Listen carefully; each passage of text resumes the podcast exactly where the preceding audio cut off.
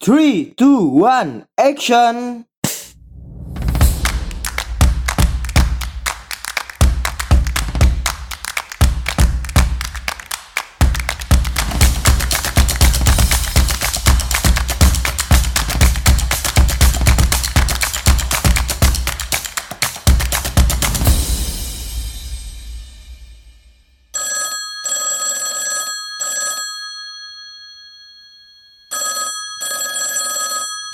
Halo, selamat datang kembali di PDMA, tentunya di program Anak Komunikasi. Ya, tidak terasa pendengar, kita sudah hampir masuk satu bulan pertemuan, atau sekarang sudah di pertemuan ke-8. kita sudah banyak sekali membahas tentang komunikasi. Kita telah membahas tentang perilaku komunikator dan komunikan pada pertemuan sebelumnya kita telah membahas fungsi komunikasi, kita telah membahas tentang elemen-elemen komunikasi, struktur komunikasi, bahkan sampai bertanya penting gak sih komunikasi itu dilakukan? Karena ya komunikasi dianggap sebagai sebuah fenomena lahiriah yang ketika kita itu lahir ya sudah berkomunikasi. Kemudian ya komunikasi adalah bakat, bisa dibilang salah lah ya karena dalam setiap kita berinteraksi, kita butuh komunikasi. Bahkan kita diam pun sebenarnya adalah komunikasi. Maka penting kita untuk memahami komunikasi ketika orang berbicara, orang diam, orang menyampaikan sebuah pesan dari gambar, atau gerak-gerik, atau nonverbal, atau berbicara langsung, kita harus memahami makna-maknanya. Nah, namun kadangkala ketika orang itu berkomunikasi, ada banyak sekali terjadi miskomunikasi atau bahkan diskomunikasi dalam berinteraksi. Ini adalah masalah yang cukup besar menurut saya ketika kita membuat kontak sosial kepada orang, kita berhubungan dengan orang-orang sekitar, maka terjadi miskomunikasi itu sesuatu yang tidak enak banget maka kita perlu memahami prinsip-prinsip komunikasi. Sehingga ketika kita ingin berkomunikasi atau ingin menyampaikan pesan kepada orang lain, kita harus pahami nih, kalau salah akan seperti ini terjadinya. Maka saya perlu pada sub pembahasan kali ini membahas tentang prinsip-prinsip komunikasi. Yang pertama disebut komunikasi dinamis.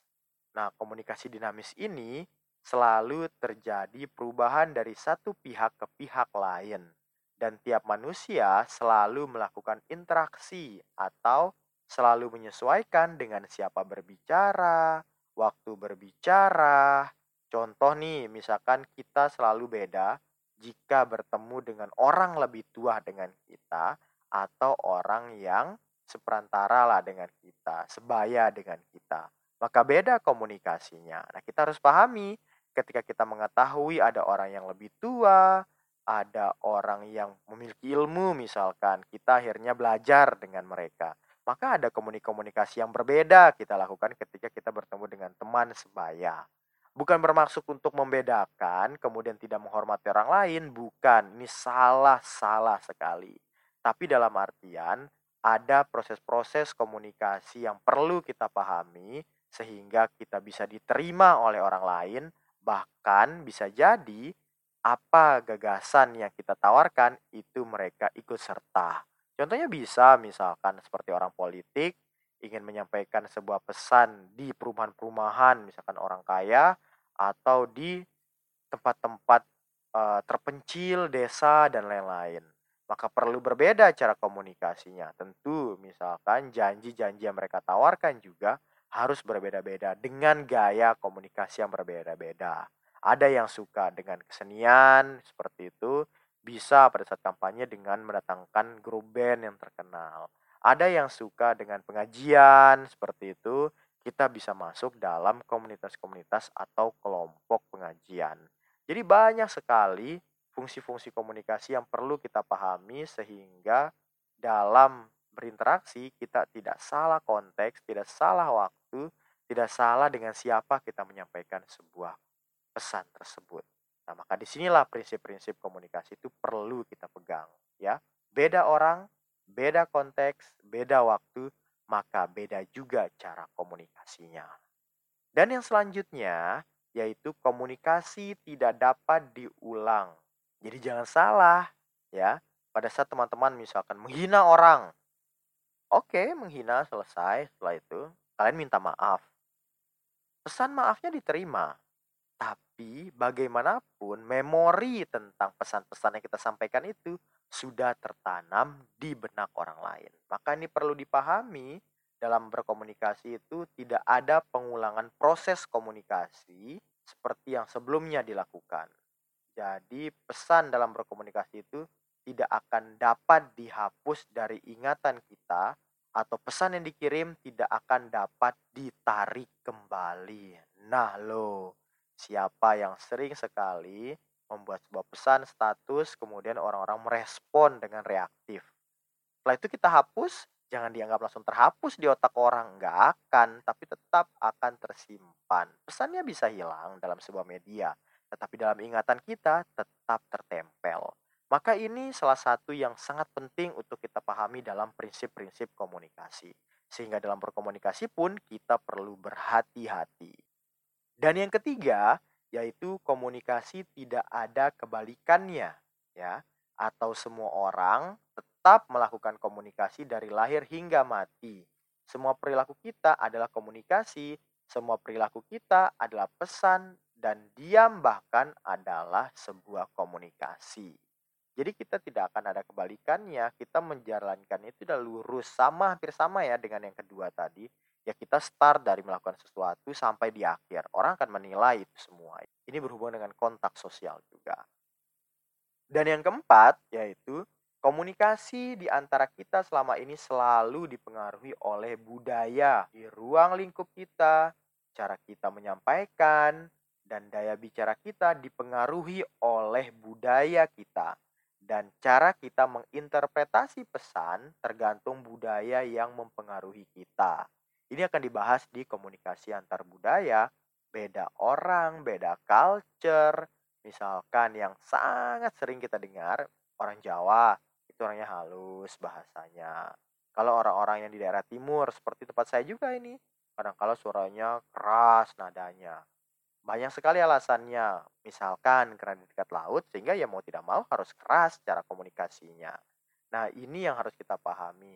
Dan budaya itu juga mempengaruhi bagaimana kebiasaan-kebiasaan kita, kebiasaan keluarga kita, maka dalam kita berkomunikasi bahkan mempersepsikan komunikasi itu juga berbeda. Maka hati-hati juga ketika kita sudah berkomunikasi dengan lintas budaya, kita harus menjaga komunikasi kita. Jangan sampai terjadi miskomunikasi sehingga terjadi masalah yang tidak diinginkan. Dan yang kelima yaitu komunikasi sangat dipengaruhi oleh etika. Etika merupakan prinsip moral, nilai-nilai dan kepercayaan atau keyakinan yang menjadi panduan perilaku anggota masyarakat. Contoh misalkan ada budaya yang tidak menggunakan baju dan itu dia nggak biasa. Misalkan seperti suku pedalaman. Ya mereka ya biasa nggak pakai baju. Jangan dianggap itu sebuah hal yang porno atau hal-hal yang bodoh atau nggak masuk akal. Ya karena mereka kulturnya seperti itu. Kehidupan mereka seperti itu. Senangnya mereka seperti itu. Toh juga kan kehidupan itu adalah kebahagiaan yang didapatkan. Ya bagaimanapun caranya, bagaimana mereka melakukan segala sesuatu, ya tergantung bagaimana budaya mereka juga di sekitar. Jadi ini juga dipengaruhi oleh etika juga maka dalam berkomunikasi kita perlu juga memahami bagaimana etika-etika yang ada di sekitar budaya tersebut ya. Jangan sekali-kali misalkan menganggap itu apurno, menganggap itu suatu hal yang buruk ya karena memang culture-nya seperti itu. Ya pakaiannya seperti itu. Ketika kita melihat ada suku yang perempuannya harus melobangkan telinganya sampai besar sekali. Ah itu misalkan satu hal yang bodoh. Ya jangan ngomong seperti itu. Semuanya ada etikanya. Jangan salah, itu suatu hal yang positif mungkin menurut mereka. Dan yang keenam adalah komunikasi berdasarkan pengaruh komunikasi kita sebelumnya dengan orang lain atau pengaruh kita dan keterampilan komunikasi. Semua orang memiliki kelebihan dan kekurangan dalam berkomunikasi. Maka kita perlu memahami kekurangan dan kelebihan kita. Misalkan ada orang yang jago orasi tetapi dia tidak bisa konseptor atau sebaliknya, ada orang yang jago sekali sebagai konseptor, tapi dia nggak bisa berkomunikasi. Nah, maka ini perlu kita pahami juga, beda orang beda cara berkomunikasi. Dan kadangkala pada saat kita berkomunikasi itu tentu berhubungan dengan komunikasi sebelumnya dengan orang lain. Kita pernah berkomunikasi dengan seseorang yang keras misalkan. Kemudian kita keras. Kemudian dia tersinggung dan itu akan mempengaruhi juga komunikasi kita pada saat berkomunikasi kembali dengan orang lain. Dan yang terakhir adalah komunikasi berbeda menggunakan media. Cara memberi pesan dan cara menafsirkan pesan berbeda. Nah, ini fenomena yang menarik sekali pada momentum-momentum saat ini. Ketika orang yang bijak sekali di media sosial, tapi ketika ketemu dia pendiam sekali. Ada orang yang dia itu lemah lembut misalkan di media, tapi ketika ketemu dia itu tidak beretika atau sangat kasar. Maka di sinilah prinsip-prinsip komunikasi yang perlu kita pahami. Ketika orang menggunakan media yang berbeda dengan media yang lain, maka kadangkala berbeda juga cara dia berkomunikasi. Nah, para pendengar PDMA, pada pertemuan kali ini saya sudah menjelaskan tujuh tentang prinsip-prinsip komunikasi. Yang tujuannya adalah agar kita memahami dan tidak terjadi miss bahkan diskomunikasi ketika kita berkomunikasi dengan orang lain atau kelompok. Oke, para pendengar PDMA, terima kasih sekali sudah mendengarkan program anak komunikasi dari pertemuan pertama sampai saat ini sudah masuk ke pertemuan ke-8. Semoga teman-teman semua masih tetap mendengarkan kami sampai di pertemuan selanjut-selanjutnya sampai anak komunikasi ini berakhir. Sekali lagi terima kasih sudah mendengarkan sampai bertemu di pertemuan selanjutnya tentunya di program anak komunikasi. Yo, sampai ketemu lagi.